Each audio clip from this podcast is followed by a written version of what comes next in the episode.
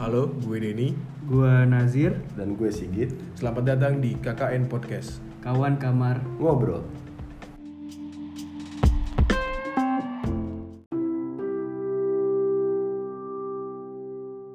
Assalamualaikum warahmatullahi wabarakatuh. Bagaimana nih kawan-kawan semua? Apa kabar? Kawan kamar yang lagi PSBB di rumah aja, gimana Iya. kabarnya? Mungkin pada jarang mandi juga kali ya.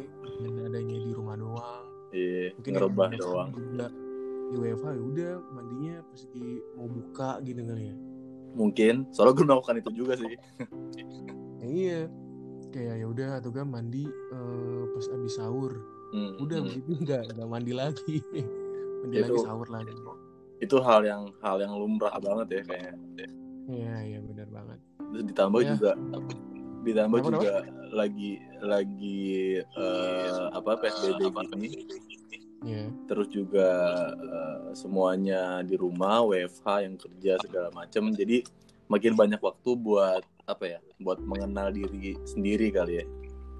Pasti sih. Banyak banyak banyak maksudnya banyak jadi ada kebiasaan baru ya setelah Hmm. ini gitu ya. Hmm, dengan adanya itu jadi orang-orang kayak waduh ternyata ada yang suatu habit yang bisa gue lakuin dan bisa menjadi kebiasaan gue sehari-hari kayak gitu. Benar benar benar. Misalnya kayak eh, ada yang belajar masak ada yang dia eh, ikut kursus online buat nambah skill dia. Terus Iya, juga iya. ada beberapa mungkin yang yang udah pacaran terus jadi kayak kangen banget sama pacarnya terus jadi Pasti, eh. LDR gitu. Kalau kata Instagram gue pernah nonton tuh lockdown relationship gitu terus apa, juga eh, kita masih di apa momen ngeremot ini ya bikin Hmm, rekaman. Hmm, kita masih masih belum bisa ketemu. Masih bisa Jadi- ketemu. mohon apa maklum untuk kawan kamar semuanya. Semoga masih tetap terhibur dengan uh, podcast kita. yang seadanya banget Oke, kita mau bahas bahas apa gitu hari ini, Git? Eh, iya eh, ngomong-ngomongin ngomong-ngomongin soal PSBB terus juga ditambah eh, COVID yang bikin kita nggak bisa ngapa-ngapain dan nggak bisa ke mana-mana jadi banyak waktu buat kita eh, merefleksikan diri kita sendiri gitu kayak kita Iya. me- melihat diri kita sendiri gimana eh, jati diri kita pada akhirnya diuji gitu sekarang-sekarang Mhm, soalnya banyak juga kan eh, beberapa kawan-kawan gue juga kayak yang jadi yang pacaran jadi eh, makin deket karena dia tahu gimana rasanya jauh. Terus juga yang jomblo jadi mungkin jadi ngeriwain gitu. Mungkin kayak eh, aduh eh, tau gitu mending gue nggak putus nih mantan gue. Atau tau gitu mending gue cari pacar lah biar lagi kayak gini tuh misalkan ada teman gitu loh Eh, jadi kayak kayak ya mungkin yang yang yang insight yang mau gue ambil sih kayak eh, tentang ngomongin masa lalu yang yang bisa kita deskripsikan soal mantan tapi lebih ke detail perihal eh, patah hati terbesar deh Eh, lebih kayak ke persoal cinta kah atau gimana? Eh, iya sih. Gue gua gue lebih interest ke soal eh, cinta sih. Soalnya Lu Mung- lebih kayak ke ya mu- mungkin ada beberapa kawan-kawan yang patah hati terbesarnya mungkin uh, Hmm. karena sahabat, karena keluarga segala macam. Cuman di sini yang mau yang mau gua tanya mungkin Den ke lu soal mhm. uh, ke pribadi diri lu sendiri sih. So, kayak patah hati terbesar dari diri lu tuh uh, apa yang pernah lu rasain dengan siapa dan kapan gitu.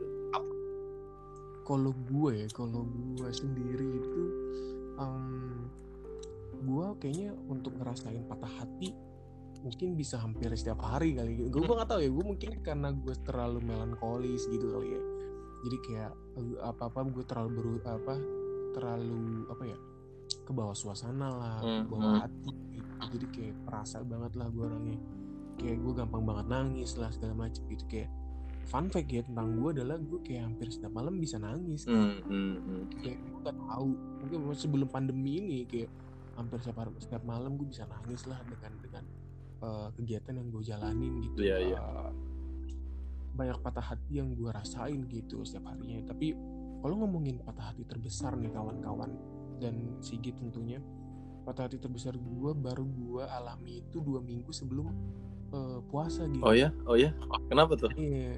kayaknya lu tahu Hah? gitu Enggak, enggak sumpah gue gak tau, gue gak tau. Itu kucing gue meninggal Oh iya iya, yang lu sempat update itu ya? iya jadi Iya iya iya. apa kita sedikit ya apa jadi dua minggu sebelum puasa itu kucing gue namanya Momoy jadi dia adalah uh, udah jadi apa ya kayak anggota keluarga gue banget Iya, tuh, iya. jadi salah satu banget karena dia udah hampir 10 tahun di rumah gue Anjir. Iya dari gue SD gitu Gila 10 tahun cuy. Heeh. Iya dari gue SD terus kayak kronologinya adalah kayak sekitar bulan Maret itu eh, perutnya gendut gitu kan hmm. perutnya gendut Eh, kita berasumsi wah dia hamil nih karena ada momen di mana kita ngeluar apa kita eh, gue terutama ngeluarin dia gitu ke jalanan Iya iya iya. kawinin kali nih sama sama kucing lain pikir gue gitu Hmm. gitu waktu makin lama makin gede gitu kan terus Hmm. udah asumsi wah hamil Eh, kita bawa ke dokter dah yuk Ya, dicek kali ya. gitu. dicek ke dokter langganan segala macem Eh, abis itu ya udah pas dicek tuh ke dokter gue gue kebetulan nggak ikut cuma abang sama kakak gue doang tuh apa namanya dia bawa ke dokter kan terus di nyampe ke rumah eh, dibilang tuh sama dokter kalau dia tuh kena penyakit infeksi hmm. Tuh dan dan uh, simpelnya adalah katanya uh, in- penyakit ini tuh jarang terjadi pada uh, betina sebenarnya kucing gua kan betina kan Iya. biasanya dia terjadi kepada jantan sebenarnya Hmm. Uh, uh, dan kata dokter pun untuk obatin infeksi usus ini belum ada kayak gitu Hmm, hmm. dan uh, chance terbesar yang bisa diambil adalah operasi tapi kemungkinan untuk uh, hidup tuh kecil gitu kayak Iya iya iya. makin drop itu apa semuanya lah. Semuanya di sini terpukul. Iyalah. semuanya di sini terpukul. Eh, kayak ya udahlah kita rawat dia semaksimal mungkin gitu kan. Hmm. pada awal-awal minggu kayak masih bisa makan dia masih masih bisa minum masih bisa jalan gitu Awal-awal ya. Heeh, awal-awalnya kayak gitu. Eh, emang dan emang dikasih obat juga kan sama si dokter obat racikan gitu. Kita kasih kita kasih udah kita udah coba hampir sebulan udah mau sebulan dia udah nggak bisa jalan tuh Gi karena emang nggak mau makan nggak mau minum Hmm, hmm. Terus? tapi terus perutnya makin gede kenapa perutnya makin gede karena tuh ada infeksi di ususnya dia tuh nggak bisa berak dan nggak bisa kencing Iya iya iya. kayak gitu Jadi itu tuh mungkin patah hati terbesar lu dan dan, dan paling baru kali ya. Iya dan dan pada pada tanggal 8 da- 8 April gue inget banget akhirnya dia die gitu kan di di ya, di tangan emak gue di mana yang paling apa ya mungkin yang paling terpukul di sini adalah nyokap gue di mana pertama kali tuh kucing datang ke rumah yang kasih makan tuh emak gue gitu Iya, yang iya, iya. nyusuin waktu itu terakhir kali itu kucing eh, apa ya eh, terakhir napas gitu kayak emak gue kan nih anak kok nih kagak mau makan ya udahlah dikasih susu Hmm. gitu su- uh, suatu sore tuh Hmm. jadi dikasih susu segala macem abis asar nah sekitar jam 5 dia kejang-kejang segala macem udah akhirnya lewat Iya, iya. wah semuanya gitu nangis gue gue gitu Iya iya iya. Ah, apa ya kayak ya udahlah eh, apa namanya gue kayak kita semua udah menjalaninya eh, maksimal mungkin dan gue sampai sekarang pun menjalani hari kayak aduh gue biasanya kalau malam ditemenin dia Iya, gitu iya. ngobrol dan kalau di depan gue itu ada ada ada dia gue panggil gue elus gitu maksudnya kebiasaan yang hilang Iya, pada iya. saat itu dan kayak gue kadang gue suka ke bawah mimpi kayak masih sedih sih Hmm. sampai sekarang gitu walaupun gue mencoba untuk oke deh gue uh, gue gue gue menikmati kesedihan ini dan dan uh, mudah-mudahan sih Momoy iya. Si Momoy mudah-mudahan uh, tenang lah Iyalah, sana iya. gitu karena Itu kan eh, eh, ngomongin soal kucing juga kan gue juga punya kucing kan di rumah Eh, dan gue juga Iya, iya, setuju mungkin- setuju sama lo kan kayak eh, kita bisa nganggap eh, hewan peliharaan kita tuh udah kayak bukan hewan jadi kayak udah mungkin keluarga kita sendiri Iya, kan. iya. terus Benar-benar. kayak oke lah itu itu itu emang emang mungkin common lah kayak banyak di, di semua keluarga juga ada beberapa hewan peliharaan yang dianggap keluarga mereka Iya. sendiri nih Eh, Hmm. kalau yang yang yang yang lebih pengen gue tanya detail lagi ini mungkin agak agak berat sih Den kayak Iya. nggak tahu sih mungkin eh, patah hati terdalam gue juga ada dari keluarga dari pasangan segala macem kalau dari perempuan ada nggak Den kalau dari lu sendiri Kalau dari gue untuk maksudnya patah hati gue terbesar kepada manusia gitu ya. Iya. Hmm, mungkin lebih kayak ke temen aja kali gitu ya. temen ya Kalau ke perempuan, oh ya, kalau lebih spesifik ya itu perempuan ya. Hmm, Kalau pu- perempuan mungkin kayak mantan gue kali ya. iya iya Mantan gue saat tahun 2000 gue kan terakhir putus itu ta- tahun 2016. Hmm. Itu gue eh, patah hati sih, walaupun gue yang putusin. patah hati. Emang brengsek. Enggak Iya, gitu gitu. Maksudnya larut. ada ada ada satu dan lain hal yang nggak bisa dilanjutin Gimana ya? eh, bukan nggak bisa sih maksudnya ada suatu hal yang gue nggak bisa paksain Hmm, dan gue harus paksain nanti menyakiti hubungan gue ya udah akhirnya gue memutuskan untuk menyudahi dan ya gue sakit hati dengan keputusan gue sendiri tapi ya gue di di di, di apa ya di apa ya dihadapi dengan pilihan itu gitu Iya, Kalau lo iya. paksain, Iya, lo akan tetap hancur dan kalau gue nggak paksain eh kalau gue udahin ya udah gue nerima patah hati ini gitu Hmm. padahal ya kalau ini gitu ya pada saat itu ya sebenarnya gue lagi nggak kenapa-napa gitu lagi romantis romantis lah Hmm. istilahnya gitu kayak gue harus ambil keputusan itu mau nggak mau daripada oh, hubungan gue makin toksik gitu Iya, iya. istilahnya ya udah kayak diudahin aja lah ya. Gue nyudahin itu. Hmm. udah udah agak lama itu gue sama cewek gue itu eh, tiga tahun. Wow. Di 2016 iya iya iya. Ya gua- karena apa ya lucunya adalah saat gue pernah pas gue jadian sama dia gue gue gue bicara sama diriku sendiri. Hmm. gue yakin gue pasti bakal putus itu gue iya iya. Gue nggak tahu. Atau gue ngomong kayak gitu kenapa tapi gue mikir kayak waduh gue pasti gue pasti bakal putus nih sama nih cewek. Gak tahu gue putus apakah ya udah menjadi uh, udah udah putus kayak temenan doang atau gue putus menjadi suami istri gitu Iya. eh pada akhirnya udah jadi mantan Iya. nih ya kan masih belum tahu kan masih belum tahu kita lihat ke depannya siapa tahu jodoh kan kita nggak tahu ke depannya Iya. unos lah nah kalau lu sendiri gimana tuh? apa tuh ya patah hati terbesar lo dalam hidup lu selama 20 tahun lebih ini gitu. Eh, salah satu. mungkin dari keluarga kali ya eh, patah hati terbesar Oke. gua itu pertama hmm, 2009 ketika gua kehilangan ka- eh, almarhum kakek gue. Jadi eh, kalau boleh bisa gua sedikit gambarin tuh eh, almarhum kakek gue ini tuh salah satu orang yang satu-satunya orang bahkan yang yang percaya sama gue dan dan Iya. bakal ngelakuin apa pun buat gue gitu loh kayak eh, misalkan kayak eh, gue tuh nggak mau eh, pulang kampung Mhm, eh, mhm. karena gue ngerasa di kampung tuh nggak ada apa-apa gitu Eh, Iya, dan iya. dia tuh kayak maksa gue buat pulang dan setiap gue pulang tuh gue di treat kayak gue makan enak ya selalu setiap sore itu kita makan sate ayam berdua di pinggir eh, sungai gitu dan kayak eh, itu menurut gue kayak Iya. momen banget sih. Terus eh, sampai satu titik di mana 2009 eh, gue lagi sekolah terus nyokap gue dateng nyamperin bilang kalau kakek gue udah nggak ada terus pulang sampai rumah eh, gue udah nggak bisa nahan tuh air mata nangis kejer. Eh, udah pas gue sampai eh, kampung gue di daerah Jawa Barat ya udah ternyata ya itu gue baru ngerasain sih kayak namanya gue nggak punya siapa-siapa gue nggak punya orang yang peduli sama gue dan nggak ada tempat buat gue berkeluh kesah lagi gitu sampai saat ini. Mhm. sampai saat ini.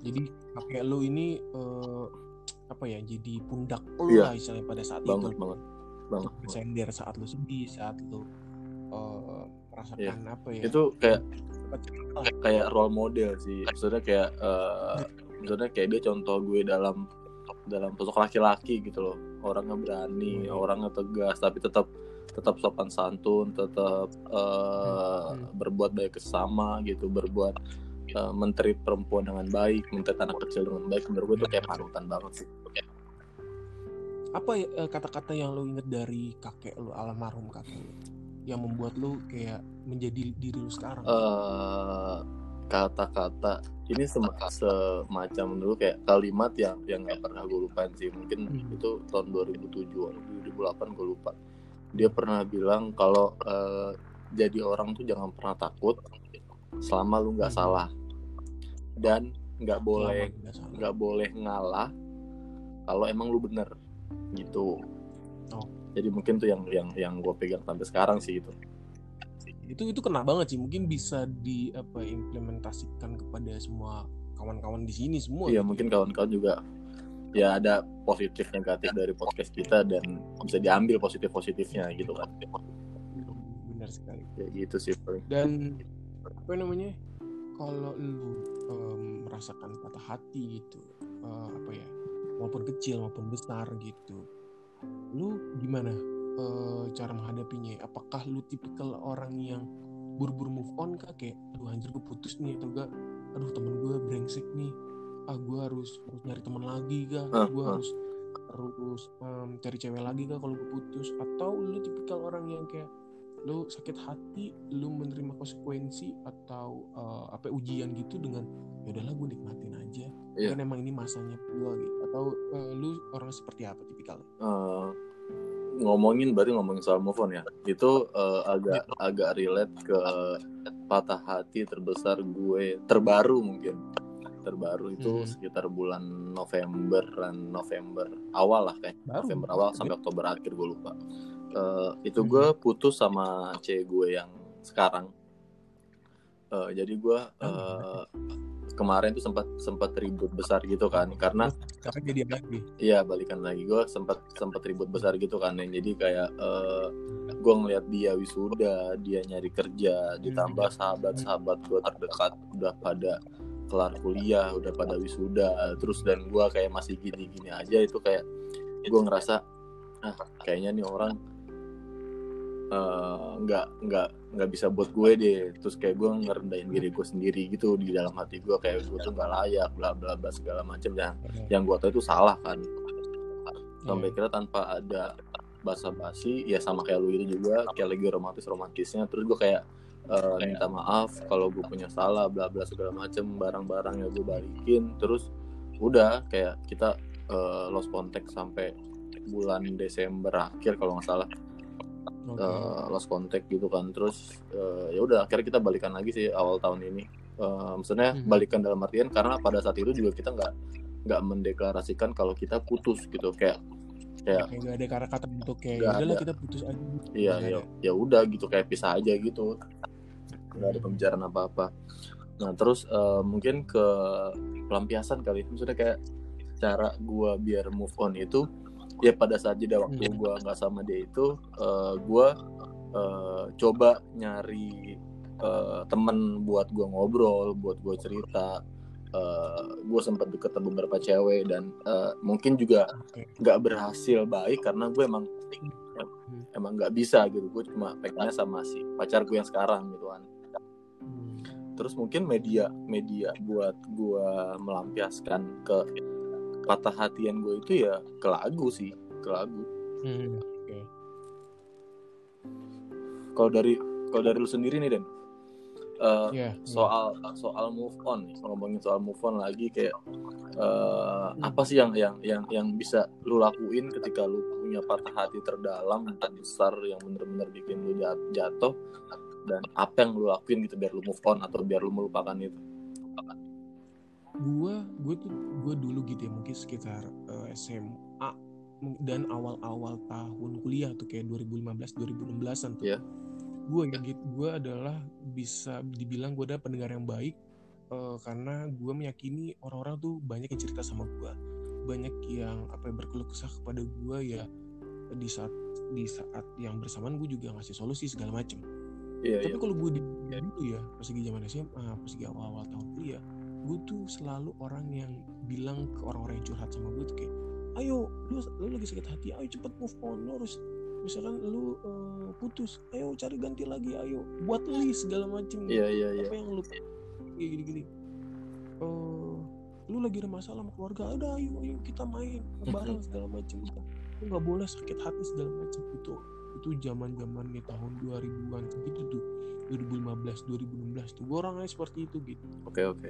Dengan gue orangnya seperti itu pas lagi memasuki tahun 2018 2019 nih Hmm.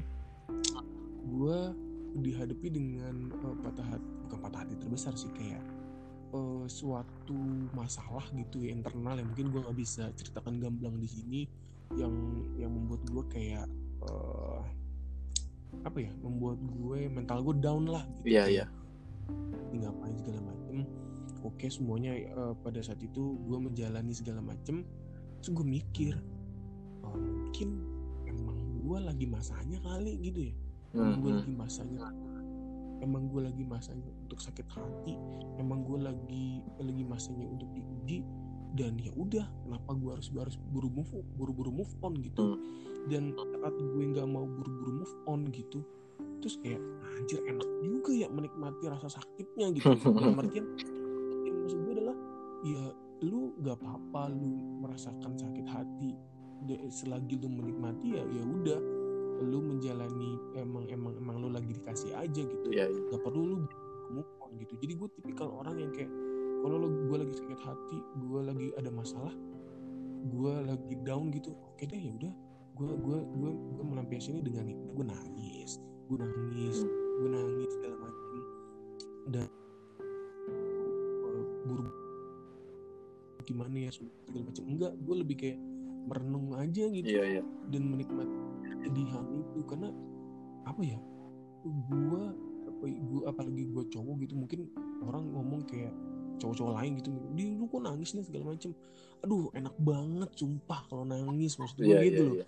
Kayak sumpah gitu. Semuanya keluar tanpa lo sadari ya lu nggak nggak nggak nggak secepat itu masalahnya kelar tapi seenggaknya lu sedikit demi sedikit lu bisa lega aja sih pada hari itu pada malam Iya, itu gitu. Kayak misalkan kayak rokok deh maksud gue Eh, mungkin lu akan setuju dengan pendapat gue di mana kayak maksudnya kita sama-sama perokok gitu kan. Hmm. kalau ada masalah kalau gue pribadi kalau gue ada masalah segala macam lagi pusing lagi di dalam keluarga atau apa pun gitu pasti pelan gue gue rokok kan segala macam menurut gue rokok lagi gue isep itu gue isep masalahnya habis itu gue keluarin tuh asapnya ya udah itu kayak ih, masalah tuh hilang aja kayak rilis Eh, kayak rilis pen gitu gak sih? Iya, maksud gue gitu. Tapi gue bisa yakini di mana ya masalah itu nggak langsung kelar, tapi masalah itu seenggaknya kayak terbang Iya. gitu aja tuh kayak kayak asap Iya, iya. gitu. Gue gua juga bikin. juga ngerasa alamin hal sama sih. Walaupun walaupun Iya, kita sama-sama sadar itu nggak baik gitu. Iya, uh, mungkin misalnya bisa bisa dipelampiasin yang lain, tapi kalau gue yang sebagai perokok dan dan itu ya ya sejenak bisa menenangkan Hmm. gue gitu dan sisi lain kalau untuk itu gue lebih kayak setuju dengan lo lagu-lagu gitu Hmm. ya kayak lagu-lagu eh, semenjak tahun 2018 tapi gue tahu lagu ini dan album ini di tahun 2019 Oh ya, ya, oh ya. Yaitu album mantra-mantranya Kunto Aji Oh, Wah. asyik. Iya, Hmm, hmm. apa ya? Lupakanlah ikatan. Aih nyanyi, nyanyi dong. Untukmu kayak gitu kayak itu lagu itu ya lagu sulung atau lagu bungsunya mantra-mantranya gitu aja itu kayak apa ya menjadi healing gue sih maksudnya di di album mantra-mantra itu jadi healing gue sih hmm. oh kalau lagi sakit hati atau lagi patah hati gitu. Dengerin pakai headset volume besar gitu. Wah anjir itu udah itu enak banget sih kalau lagi mengatasi patah hati itu besar gitu. Dan salah satunya itu lagu lagunya Kunto Aji Mata Mantra sama lagu-lagunya Adele. Adele ya. kayaknya lekukannya Adele ini emang ajaib banget Emang sih. sih itu orang. gua gua gua nggak bisa apa-apa kayak udah gue nikmatin suaranya dia gitu. Kayaknya Adele atau Sia gitu ya Iya. Eh, apa dia kayaknya nggak butuh musik dia adalah musiknya gitu kayak anjir nah, ini enak banget kalau untuk buat gua gitu lah kalau lu Hmm. sendiri tuh sempat mention kalau lo juga pelampiasan di lagu kan kalau Iya, iya. lagu-lagu lu gitu yang spesifik untuk menemani lu kalau lagi patah hati kayak gitu gimana gitu Eh, sebenarnya gue ada playlist sendiri kan di di Spotify Oh, gue oke. juga Spotify beberapa ya? lagu-lagu yang emang ngena banget sama gue cuman kalau gue eh, lebih ke sama kayak lu juga lirik cuman gue Hmm. ya nggak eh, nggak ke mellow gitu gue lebih ke lagu Hmm. yang bisa bikin gue nangis sambil teriak Hmm. gitu kayak ada satu lagu Oh, yang contoh, yang gue tahu udah lama ya berapa tahun ya tahu lagu ini. Mungkin dari SMP kalau nggak salah. SMP Eh, lagunya MCR eh, yang judulnya Helena. Itu menurut gue oh itu menurut gue kayak kayak ngena banget sih. Maksudnya kayak dia tuh di liriknya tuh kayak ngejelasin kayak eh, apa yang bisa gue lakuin gitu. Kalau kalau emang gue udah kayak gini gitu gue udah nggak bisa ngapa-ngapain lagi gue udah nggak bisa berjuang lagi ya udah gue cuma bisa ngucapin aja gitu kayak lo baik-baik di sana kayak gitu tuh kayak sampai sekarang pun juga kalau gue denger lagu itu ya gue nggak bisa nggak nyanyi dalam hati gitu pasti tetap nyanyi gitu. Hmm. lagunya Helena sih My Chemical ya Romance jadi pakai karaoke aja gitu ya Iya, iya, My Chemical Romance itu. Gila emang lagu-lagunya the best nih. Satu satu satu band itu menurut gue kayak dia eh, bener-bener ngedeskripsiin soal patah hati gue banget sih lagunya Oh, oke. Kayak gitu sih. mewakili lagu Helena itu mewakili lu dalam hati lah istilahnya Iya, iya bener. Kalau lu kalau lu tadi eh, sempat sempat mention lagunya ini ya apa? Kunto Aji ya. itu aja Iya, yang mantar-mantar. Gue juga sempat sempat dengerin juga dan dan agak Hmm. kena. Cuman kayak eh, mungkin eh, emang gue tipenya bukan yang ke lagu pelan. Cuman gue suka banget eh, suka juga itu lagu kan kayak eh, liriknya bagus, terus juga kualitasnya juga emang emang emang gila kan Kunto Aji. Cuman emang kalau buat gue pribadi sih gue eh, lebih suka melampiaskan ke patah hati gue itu ke lagu-lagu yang bikin gue bisa teriak gitu kan kayak atau enggak liriknya kenceng terus eh, tapi meaningnya dalam kayak gitu sempat gue juga beberapa kali eh, dengerin eh, playlist gue sakit hati gue ini ke teman-teman gue gitu kan ketika kita lagi ngumpul segala macem. Terus dia malah kayak ngeresponnya "Eh, lo kenapa sih gitu kok sekarang dengerin dengerin lagu-lagu setan? Katanya gitu kan. Terus lagu-lagu Iya setan? mungkin karena lagu-lagu setan? eh, eh, suaranya nggak eh, liriknya nggak nggak jelas terdengar dan eh, beatnya juga Hmm. terlalu kenceng mungkin kayak gitu kali dengan nangkepnya. Gue nggak ngerti juga sih cuman yang gua yang gua nikmatin ya itu liriknya. Maksudnya ini liriknya gila banget dan dan di lagu itu Iya. gue bisa teriak di saat gue sedih gitu. Jadi kayak kayak gue bisa nangis tanpa ada orang yang tahu kalau gue lagi nangis kayak gitu sih. Mungkin mungkin itu aja kali dia nih buat buat patah hati terbesar kayak tadi kita udah sempat bahas soal eh, patah hati terbesar kita eh, yang terbaru mungkin atau yang teman yang udah-udah kemarin ditambah juga. Kita berdua tadi udah sempat mention soal eh, gimana cara kita move on dari sakit hati itu dan eh, beberapa dari kita juga eh, setuju bahwa pelampiasan mungkin bisa ke lagu kan. Jadi mungkin kawan-kawan juga di luar sana punya cara-caranya sendiri soal eh, melampiaskan patah hati terbesar mereka dan mereka juga pasti punya cerita sendiri entah dari orang tua entah dari Pasti sahabat atau entah dari pacar atau dari keluarga juga kita nggak tahu. Kayak gitu sih paling. Ya dan dan mungkin kita juga soal lagu ya. Mungkin nanti setelah eh, episode ini naik eh, kita akan share ini Boleh, di boleh, boleh, kita boleh, masing-masing di Spotify. Boleh banget. Mungkin juga ntar teman-teman juga ada yang suka atau yang nanti ada yang relate untuk di lagunya dan kayak anjir nih lagu gua banget gitu kan kayak iya nanti kita bisa share eh, dan yang pastinya kita nge-share di Yo, Instagram di follow kita dong, kawan yo. kamar semua harus follow wajib dan share di eh, KKN eh di KKN KKN, Podcast. Podcast. benar benar KKN ya?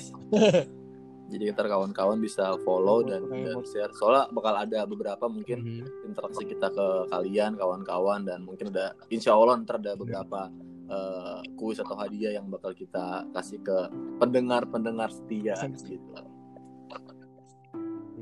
Kawan-kawan semua di sini bisa share semuanya bisa kasih tahu kalau di sini ada eh, podcast yang eh, friendly neighborhood. Yoi.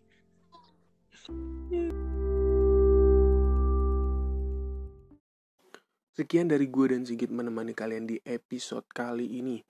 Eh, dan gue berterima kasih banyak sekali kepada kawan-kawan yang udah setia mendengarkan kawan kamar ngobrol. Dan gue pengen ngingetin sekali lagi kalau kawan kamar ngobrol itu udah ada Instagram. Jadi kalian jangan lupa follow Instagramnya di KKN Podcast. Sekali lagi di KKN Podcast, oke? Semua informasi akan terjun di sana dan kalian juga bisa DM untuk memberikan informasi apa pun untuk eh, kita pengen bahas apa pengen ngebahas sesuatu tentang hal-hal yang lain gitu. Kalian bisa ngasih saran di kolom DM ya gitu. Dan gue juga nggak bosan untuk mengingatkan kalau KKN podcast itu akan selalu ada di hari Jumat jam 5 sore di Spotify dan di Anchor oke? Sekian gue pamit. Assalamualaikum warahmatullahi wabarakatuh